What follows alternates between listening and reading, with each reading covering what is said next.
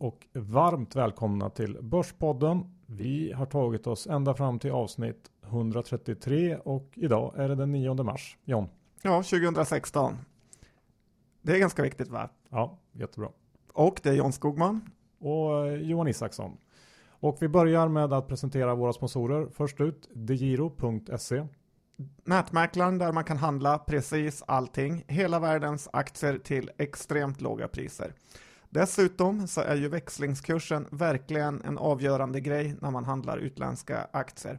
Hos många konkurrenter är det svårt att trada utländska aktier då växlingsavgiften blir för hög. Sen finns ju den svenska marknaden med optioner som också är väldigt billigt att handla. Så gör som Börspodden, öppna ett konto på giro.se. Ja, och jag vill dessutom passa på att gratulera gänget eh, där borta hos Giro. För jag såg att de har blivit nominerade till årets eh, European Fintech Awards 2016. Ja, men det är bra. Ja, kul. Grattis. Vad ska vi snacka om idag John? Ja, idag ska vi snacka lite om Warren Buffett. Vi ska snacka lite om mina Under Armour skor. Lite amerikanska aktier och en hel del svenska bolag. Och Draggen såklart. Ja, Draghi får man inte glömma nu när det är så stort möte. Nej. Men innan vi kör igång måste vi också presentera sponsor nummer två, Lendify. Lendify.se. Det här är ju Sveriges lending club. Peer-to-peer lending med, till kreditvärdiga personer. Företag kan också öppna konto här för att låna ut pengar. Och eh, man kan både sköta sin utlåning själv eller låta Lendify kontinuerligt återinvestera amorteringen som dina låntagare gör. Det är ett riktigt kul sätt att leka bank på. Dessutom har kunderna fått i snitt 8% i avkastning. Riktigt bra. Lendify.se. Snyggt. Nu kör vi.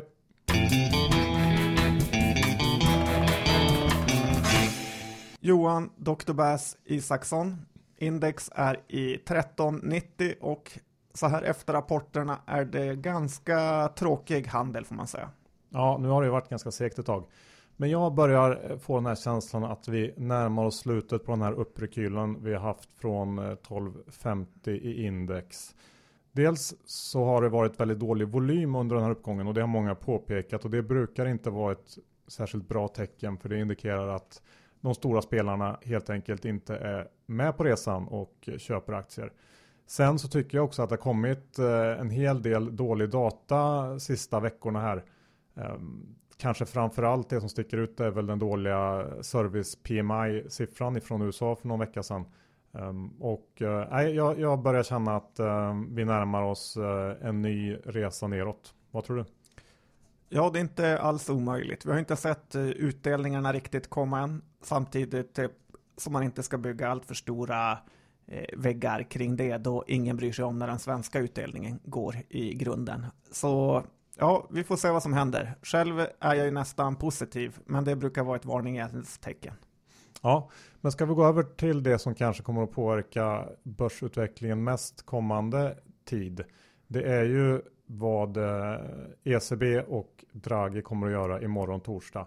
Och först kanske jag bara kan flika in att eh, den här samarbetsorganisationen som alla centralbanker eh, kör, BIS eller Bank for International Settlements, var ute för några dagar sedan med sin kvartalsrapport och var väldigt, väldigt bäsiga och varnade för att eh, det vi har sett på de finansiella marknaderna sista månaden här eller månaderna är enligt dem bara början på någonting som kan bli eller som de tror blir en stor storm och det lät ju inte bra.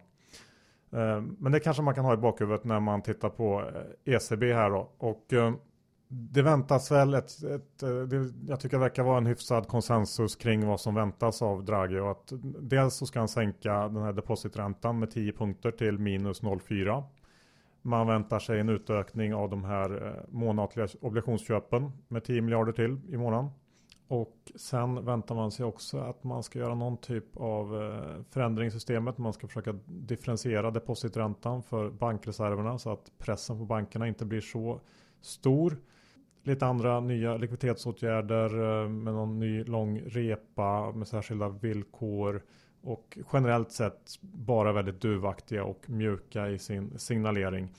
Och jag tror även att det finns vissa förhoppningar om att de ska göra någonting eh, oväntat, eh, någonting nytt som eh, verkligen ska få marknaden att bli glad.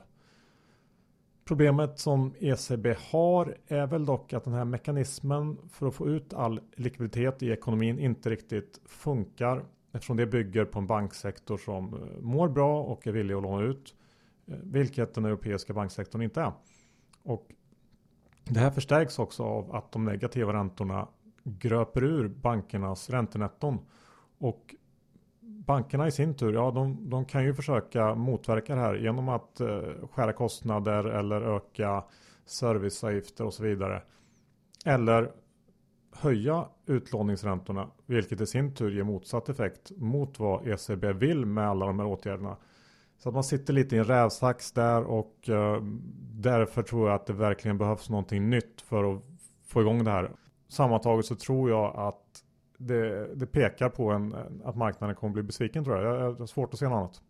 Ja, det är ofta så när de kliver upp på scen att man hoppas på mer än vad de kan ge.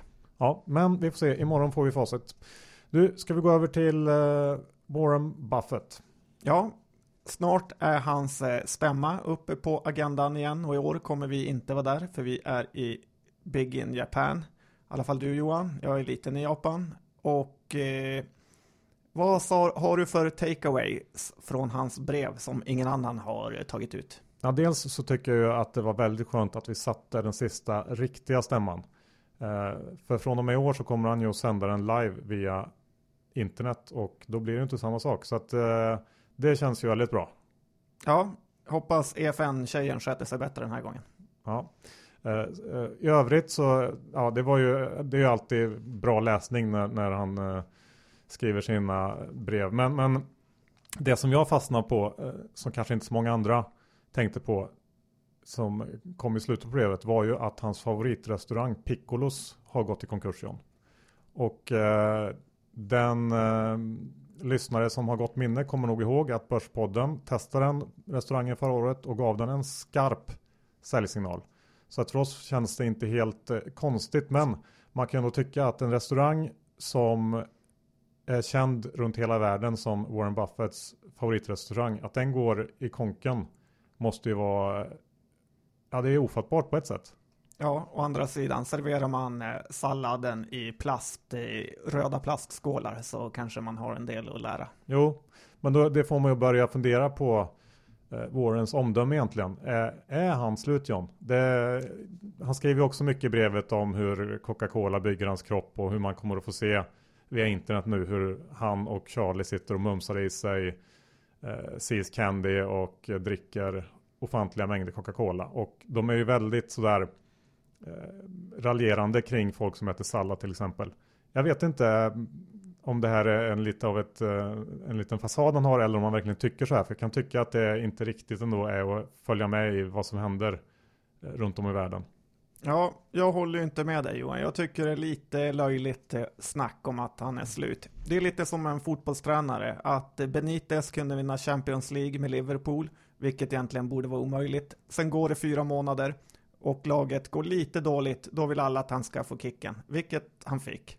Och eh, oftast bygger den här Warren Buffett-kritiken på att hans börsportfölj är kass.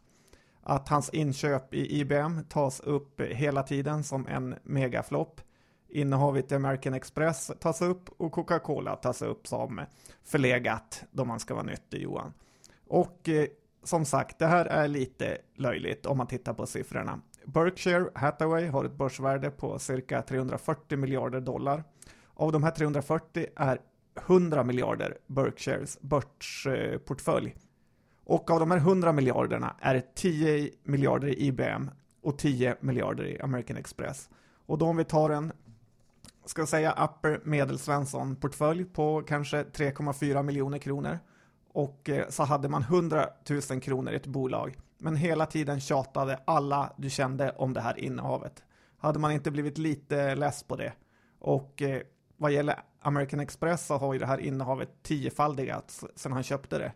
Och eh, det han sa på stämman var ju om American Express att eh, när han köpte det så var det ett kupongföretag och det här bolaget har utvecklats enormt mycket eh, genom åren och han trodde att de fortsätter komma göra det. Så att eh, vissa av hans bolag kanske är en liten svacka, men jag tycker inte att det är läge att döma ut honom efter att han har laggat index något eh, år. Nej, det håller jag med om John. Men är man störst, då får man också leva med att få lite kritik. Och, eh, men när vi ändå är i USA John, ska vi prata lite om Under Armour. Du har ju köpt ett par nya löparskor från Under Armour. Testade du dem igår eller? Ja, de testade jag och eh, de köptes ju då via postorder, underarmor.eu. Och eh, Under Armour har ju haft en helt fantastisk utveckling vad gäller deras eh, skoförsäljning. Och eh, skorna är faktiskt väldigt eh, annorlunda jämfört med Asus eller Nike. De är mycket mjukare och väldigt eh, lätta. Eh, nu har jag bara testat de här en gång, men jag är inte övertygad kan jag säga. De här skorna har en hel del kvar innan jag blir övertygad Johan. Så du persade inte igår? Nej, inte igår heller. Vad gäller UAs aktie så är den ju väldigt, väldigt dyr, närmare P50. Men en annan tanke jag fick Johan, det är hur uselt det här fungerar med att leverera internetköp. I USA får ju Amazon kritik från investerare hur deras shippingkostnader har ökat massor de senaste åren, vilket gjort att vinsten inte tar fart, medan kunderna hyllar det här tilltaget. Och det förstår man, för tittar man på hur UPS eller Postnord sköter sina jobb så undrar man ju hur det ens är möjligt att bedriva en affärsrörelse så här. De åker ut random till personer mitt på dagen till ens adress och så har de ingen portkod, kommer inte in i huset. I och för sig spelar det ingen roll eftersom man ändå inte är hemma mitt på dagen. Och så får man ett brev en dag senare att de inte kunde komma fram och ditt paket ligger på ett lager långt ut i landet. Ja, där finns det, jag håller med, där finns det ju väldigt mycket att göra för näthandeln och uh, den som kan liksom klura ut en riktigt bra lösning på det här tror jag har en, uh, ett bra affärsidé och ett uh, potentiellt storbolag i sin ficka. Så att fundera på det ni där ute som vill bli entreprenörer. Ja, men om man ska ta något positivt med näthandel så får jag faktiskt lyfta fram Mekonomens nättjänst.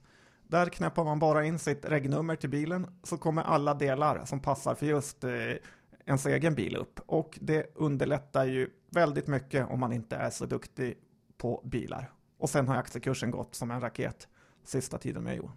Sen måste jag framföra en, ja, en lite kritik kan jag säga till Avanza och deras eh, produkter, om man ska säga, som heter Avanza affärsförslag. Som jag tror görs i samarbete med Redeye. Man får eh, köp eller säljrekar. Jag tror i och för sig att det uteslutande är köprekommendationer som skickas ut. Kanske en gång i månaden eller något sånt. Och det jag har upptäckt eh, efter att ha följt det här under några år. Det är ju att Hexatronic får en köprek ungefär eh, varje månad eller i alla fall varannan.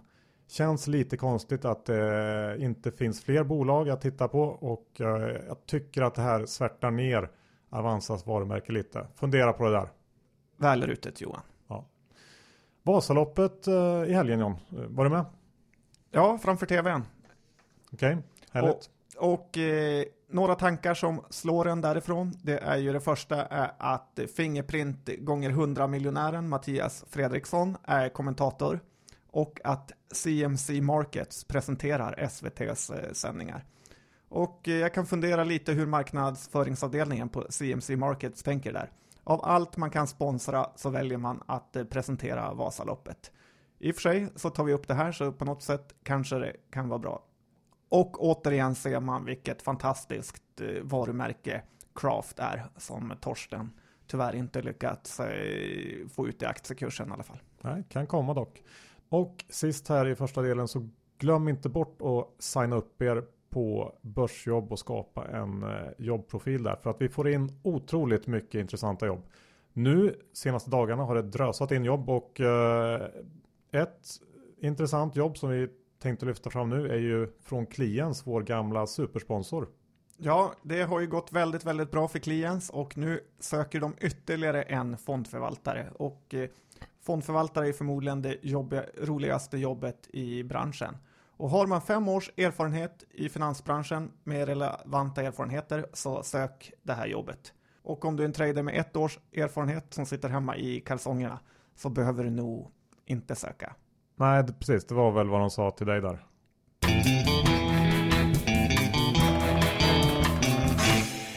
Okej John, eh, dags att snacka lite bolag. Jag tycker vi går direkt på det som kanske är den största snackisen just nu. Leo Vegas, ska man teckna eller inte och vad är det här egentligen för ett bygge? Leo Vegas, Johan, du är ju vår spelexpert och eh, vad man kan säga i nyheterna så är ju emissionen redan eh, fulltecknad. Men kan du inte brodera ut lite? Jo, oh, precis. Leo Vegas är ju en, eh, ett nytt spelbolag då på väg in till börsen. En speloperatör som har fokuserat på mobilen i stor utsträckning och eh, varit väldigt duktiga där. Grundades faktiskt så sent som 2011 och eh, har ju varit en fantastisk framgångssaga får man säga. Eh, de växer otroligt snabbt, vuxit med över 100% flera år i rad och omsatte 83 miljoner euro förra året. Men tjänade i princip noll.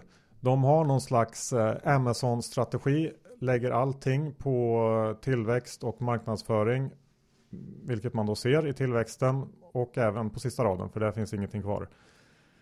Eh, marknadsföringskostnaderna tror jag uppgick till drygt 54% förra året. Och då kan man jämföra till exempel med ett mer etablerat bolag som Betsson som låg på 20% så att eh, det är en stor skillnad där. Och eh, deras strategi antar jag är att växa så mycket det bara går medan den här marknaden fortfarande är Eh, ja, lite halvt omogen i alla fall och inte riktigt nått sin, sin slutdestination. Och det verkar ju funka rätt bra nu.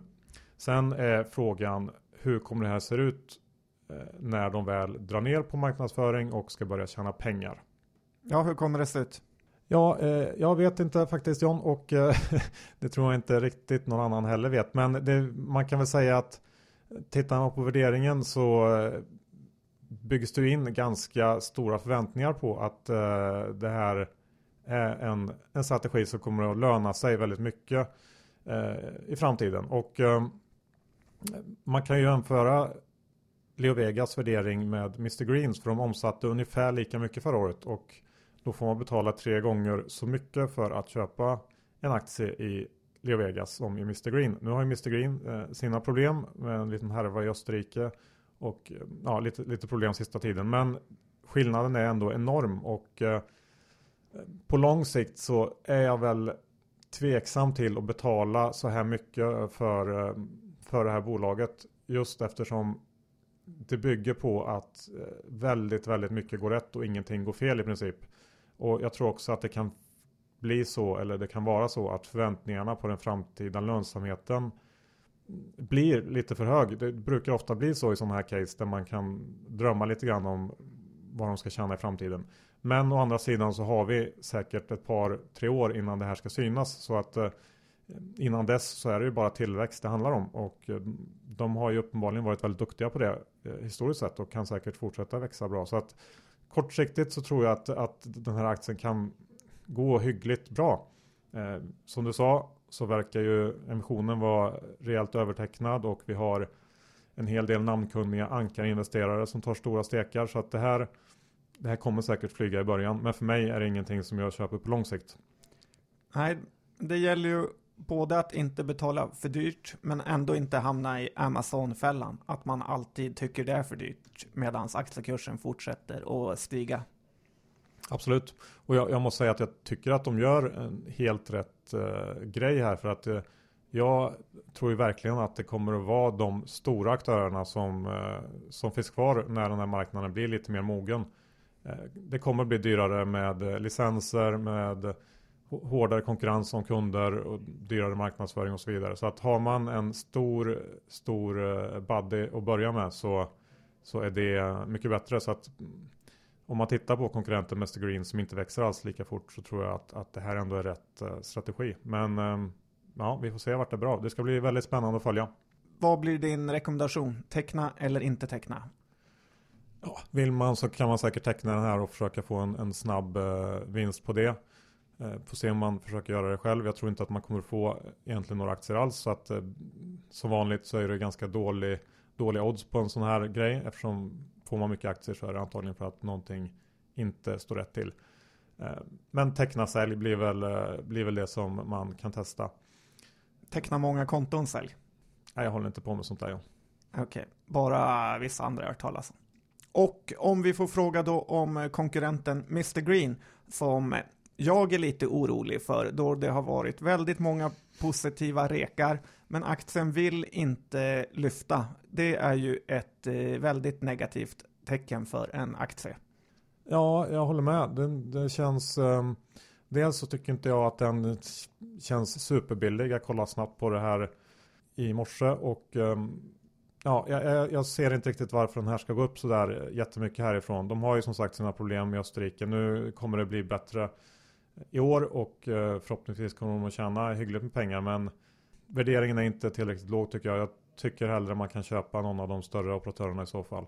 Så att eh, nej, det blir en avvakta för, eh, för mig.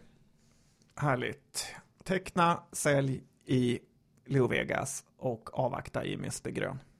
Sen har jag också slängt, när vi ändå är inne på eh, IPOs, ett getöga på ett litet bolag som heter Plaid. Ja, det härliga belysningsbolaget. Vad är din kommentar om det? Ja, produkter och tjänster för smart belysning och hemautomation. Ja du John, de gör ju då, eh, de har någon slags app och har även ehm, konstruerat ehm, tillhörande elprodukter som man kopplar ihop med sina lampor så att man kan styra då lamporna i huset och belysningen via mobilen och även knappa in olika scenarion. Man kan knappa in, nu är det godnattscenariot så nu ska jag gå och lägga mig och så trycker man på en knapp. Ehm, jag tycker väl kanske inte själv att de löser någonting som har varit ett problem sedan tidigare. Jag har svårt att se. Jag skulle inte vilja ha det här hemma själv. Du? Utom när man är ute och festar Johan. Okej, okay, för att? Man inte vill att lamporna ska vara tända på när man vaknar. Okej. Okay. Mm. Ja, man kan säkert programmera in ett sånt scenario också. Men eh, alltså det känns som, det finns ju eh, produkter på Clas Ohlson och, och, liknande ställen. Du vet, man köper sån här eh, som man kopplar in direkt i, i eluttaget. Timer sen, kallas det. Ja, men sen med en liten fjärrkontroll till.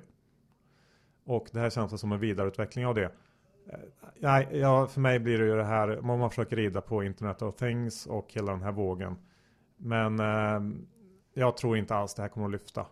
Så att eh, det här, nu är börsvärdet pre-money 21 miljoner eller bolagsvärdet. Så att det kommer säkert eh, bli en, en en hyfsad introduktion för folk kommer säkert teckna det här men bolaget i sig tror jag ju absolut inte på. Nu ska vi titta på eh, en till snackis i veckan. Lomission, en monsterförsäljning av de största ägarna. Ja, Mr Douglas och eh, Melker tog och skickade ut hela sin stek av B-aktier i Loomis. Det var en rejäl rabatt och eh, det här blev en riktigt, riktigt dålig affär för de som köpte aktierna. Man ska vara med på samma båt som Melker, inte vara i motsatt båt. Då går det så här. Eh, vi har ju länge inte trott på Loomis då de jobbar på en marknad som sakta men säkert kommer att försvinna. Eh, kontanthantering kommer minska och därmed deras marknad. Eh, det finns vissa positiva grejer, men det är väldigt, väldigt jobbigt för sådana här bolag att kämpa i en negativ marknad. Dessutom är aktien alldeles för dyr i grunden. Ja, att eh, ägare som Melker och Latour säljer, det är fruktansvärt dåligt signalvärde kan jag tycka. Det, är ju ägare som i princip håller sina bolag lika länge som Warren Buffett och um, väljer de att sälja då tycker de antagligen att framtiden inte ser fantastisk ut. Så att jag håller med dig där John. Sen så kan det säkert funka ett tag. Det kan ju göras förvärv och sånt som får den här aktien att, uh, ja, att gå hyggligt ändå. Men uh, nej, jag håller med. Ska vi gå vidare till ehm, um, Nilongruppen? Ja Johan, Nilörngruppen, det här blev ju en riktig hit. Bolaget är upp nästan 40 procent eh, sen eh, sin botten. Dels på en väldigt bra rapport, men sen gick det upp lika mycket på affärsvärldens rek. Och eh, som sagt 40 procent uppgång från botten på några veckor då är det dags att lugna ner sig och ta hem lite vinst. Är man långsiktig kan man ligga kvar, men är man en case hunter eller swinger, Johan, då är det dags att lasta av lite. Ja, det känns ju som att det här har blivit något slags nytt eh, kvalitetsfavoritbolag, vilket jag tror man ska akta sig lite grann för att så snabbt bara vända om. Ehm, ja, jag håller med dig. Det känns väl som att potentialen är tagen. Sen har det ju hänt grejer i Dome Energy. Ja, men det här är ju veckans skandal Johan. Dome Energy på aktietorget. Den här aktien borde varit handelsstoppad för länge sedan. Bolaget handlas med negativt eget kapital, men det verkar ingen bry sig om. Hur det här bolaget ska klara sig undan konkurs börjar kännas eh, orimligt. Vissa kan hävda att moderbolaget inte har negativt eh, EK och därför eh, kan de fortleva. Men det är faktiskt så att koncernen som helhet har negativt EK och jag tycker det är pinsamt av aktietorget att låta handeln pågå här. Ja, kolla upp det där. Hur är det med eh, Hybrikon då som du har tittat lite på? Ja, och eh, det här måste jag säga att det är ju saker som är olika roligt med börsen. Och den ena är ju att tjäna pengar, men en annan sak är att investera i saker som man tror på samtidigt som man förhoppningsvis tjänar lite pengar. Och Hybrikon är ju ett Umeåbolag som gör elbussar och jag har lyssnat, lyssnat på en hel del presentationer och eh, jag gillar det jag hör. Jag har länge tyckt att det är vansinnigt att eh, man kör runt med dieselbussar i städerna och sprutar ut avgaser. Det borde vara självklart för kommunerna och kräva att lokaltrafiken ska vara lite modernare här än i Vitryssland. Eh, sen är det ju ingen lätt marknad, men de har redan fått en del ordrar och jag tycker det här kan vara värt en chansning. Just nu slutför de en nyemission också och eh, det betyder att de har pengar för en tid framöver.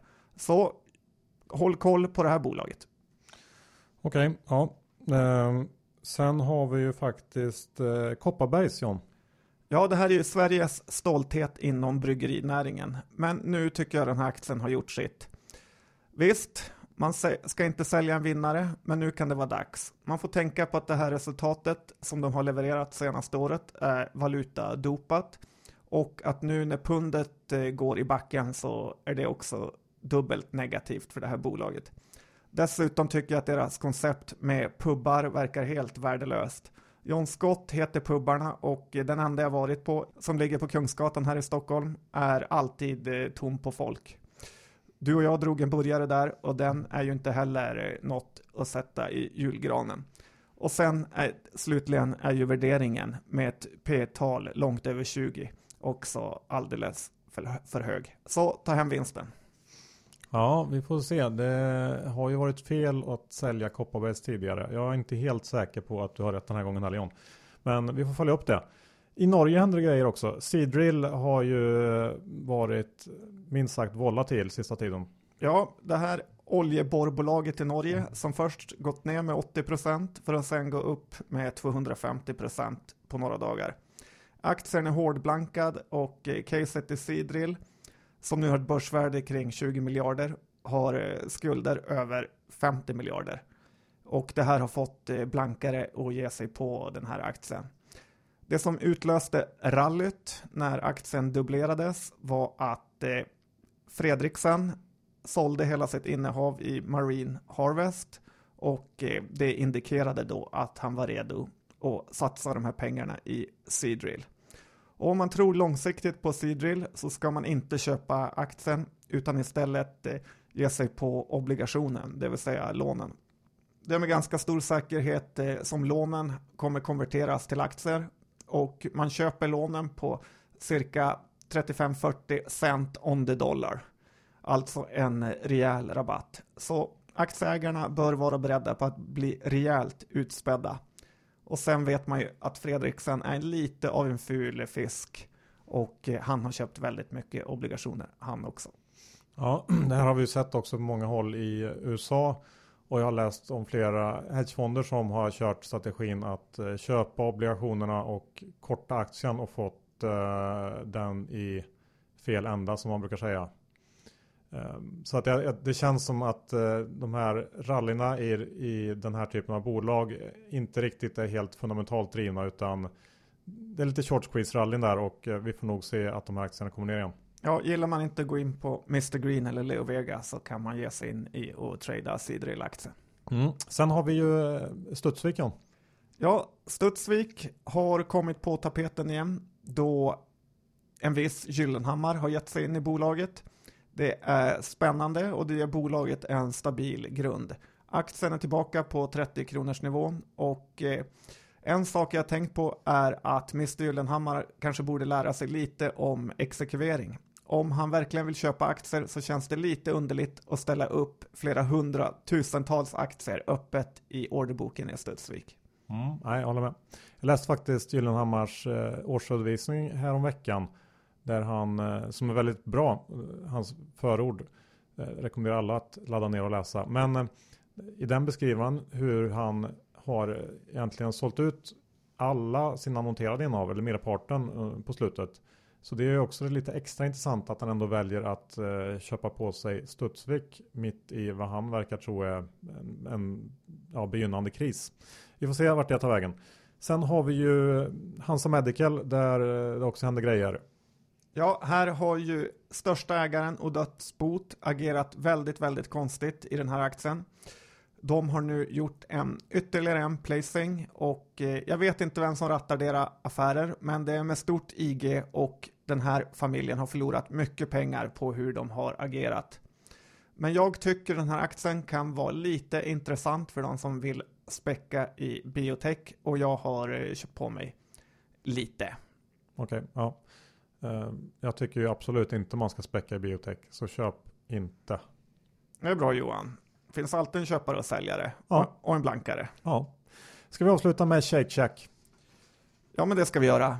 Den goda hamburgerkedjan i USA kom med rapport igår och den togs inte emot väl. Aktien gick ner cirka 12 procent och eh, många börjar faktiskt hävda att Shake Shack är en eh, scam med argumentet att det är väldigt lätt att få massor av försäljning om du öppnar dina restauranger på absolut eh, de bästa adresserna. Såklart får man massor med kunder oavsett egentligen vad man säljer och eh, Shake Shack har ju haft väldigt svårt att eh, tjäna peng- pengar och de hävdar att det ska komma sen, men nu är de i expansionsfas. Jag tycker det är en intressant tanke och ja, det är värt att hålla ett öga på hur Shake Shack utvecklar sig. Själv så gillar man ju deras hamburgare, men jag förstår blankar-teorin också.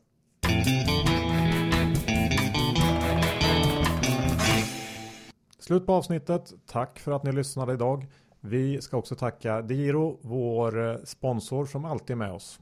Ja, tack så mycket Diro. Gå in på diro.se, öppna konto. Man ska ha flera konton i dagens aktievärld. Ja, och lycka till i de här Fintech Awards eh.